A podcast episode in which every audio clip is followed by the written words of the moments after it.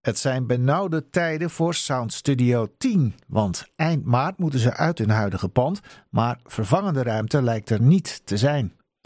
We gingen, nu het nog kan, langs bij hun huidige pand aan de Parlevinker en spraken met Harry ten Haven.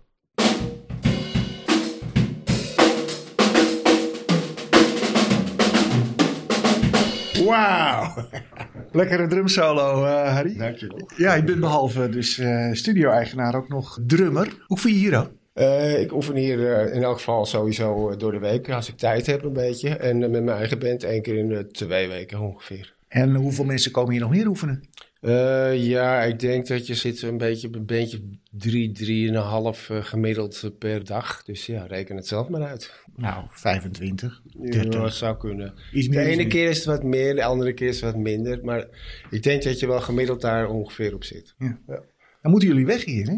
Ja, Pand gaat worden gesloopt. dat klopt. Wisten dat niet van tevoren? Eh, nou, het is mij nooit echt helemaal duidelijk geworden. Want ik, eh, toen ik hier pas inkwam, heb Hoe ik. lang is dat geleden? Dat is eh, eind 2013 geweest. Oké, tien jaar. Ja. Ja, ik zit hier. Ik heb mijn jubileum zo'n Nou, beetje. gefeliciteerd, zou ik maar Nou, zeggen. Dankjewel.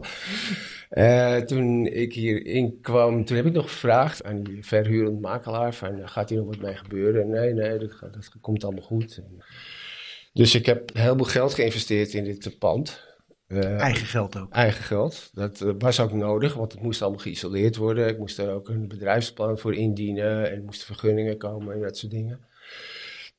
Dus ik heb dat eh, allemaal eh, braaf gedaan. En eh, ongeveer een jaar later zag ik op de website van banner.nl, die website bestaat inmiddels niet meer. Maar daar stond ook echt in van, we gaan iets met de banner doen. Met het Ja. gebied waar ik in zit. Ja. Dus ik heb toen een mail gestuurd naar eh, Rochdale van, eh, en hoe zit dat nou? Ja, eh, bij ons is niks bekend van bouwplan op korte termijn. Dus ja, Ja. daar heb- moest ik het mee doen. Maar het- ik had het pand inmiddels al helemaal ingericht. Ja. ja. En sinds wanneer weet u het wel officieel?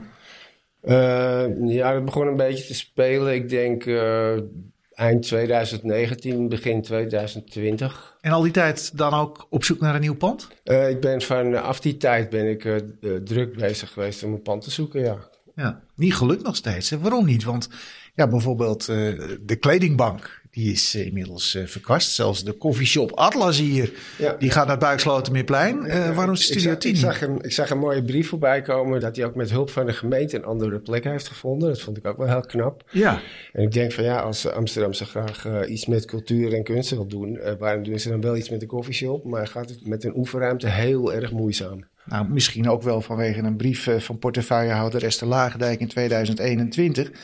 Die heeft gezegd eh, dat de meerwaarde van deze studio, ik moet even op mijn briefje kijken, in het kader van kunst en cultuur in de bannen beperkt is. Ja, Helpt niet mee, hè? Nee, dat was ook niet zo'n hele handige brief volgens mij. Eh, daar heeft ze later ook eh, wel eh, er excuses voor aangeboden. En we zijn toen wel begonnen met het, eh, ja, een soort overleg opstarten. Met eh, nog een aantal eh, muziekstudio's hier in Amsterdam-Noord. En er zou voor mij dan, omdat ik al snel eruit moest, zou er ook met hoge prioriteit gekeken worden naar een nieuwe huisvesting. Maar dat is inmiddels eh, bijna 2,5 jaar geleden. Maar is er in die tijd ook niks voorbij gekomen? Er zijn wel dingetjes voorbij gekomen, maar over het algemeen waren die niet geschikt. Er was, eh, ik ben in het Waddenschip geweest bijvoorbeeld. Dat is een voormalige discotheek. Nou, die bleken dus helemaal uitgewoond te zijn. Die was gekraakt geweest, alle elektriciteit was eruit, er stond een laag water in. Dus ik denk van ja, als ik daarin moet, dan ben ik over vijf jaar, mo- ben- zit ik er nog niet in. Want het moet helemaal opgeknapt worden. En ik heb daar geen geld voor. Ja. Nou heeft hij ondertussen ook een eh, handtekeningenactie eh, gehouden. Hè? Hoeveel heeft hij erop gehaald? Die handtekeningenactie is ook eh, omstreeks die tijd geweest, eh, rond eh, 2021. Als tegenwicht tegen de brief, zeg maar. Ja, het was een beetje tegelijkertijd. Eh, daar zijn ruim 500, ik geloof iets van 510, 515 handtekeningen opgehaald of zo. En zaten daar nog klinkende namen tussen? Eh, er zaten wel wat namen tussen die wat bekender waren, ja. Nou. Eh, eh, ja, Hans Dulver, eh Alain Clark, eh, Erik de Jong, alias eh, Spinvis. eh, Patricia van Haastrecht, eh, Mathilde Santing, Oh. eh, Lucas van Merwijk, Harry Saxioni. oh. Die zijn hier allemaal kind aan huis of Nou, kind aan huis geweest? Zijn niet per se allemaal hier geweest, maar hebben wel een connectie met dit soort eh, eh, gebouwen natuurlijk. Ja, ja. Maar goed, eh, het is zo eind maart. Gaat u voor die tijd nog inspreken in de nou, stadsdeelcommissie? Of eh, zegt u van, nou, na die brief van Esther Lagendijk eh, geloof ik het wel even? Nou, ik heb nog geen plan om in te spreken, want dan gaat eerst nog op de 15e komt er een commissievergadering. En daar is, Opera. eh, ja, klopt. En daar eh, wordt in elk geval door eh JC Veldhuizen worden wat vragen gesteld over de situatie en waarom het nu allemaal zo lang heeft geduurd. Mhm. Dus ik zal dat eerst even moeten afwachten. Nou, Er is misschien nog hoop.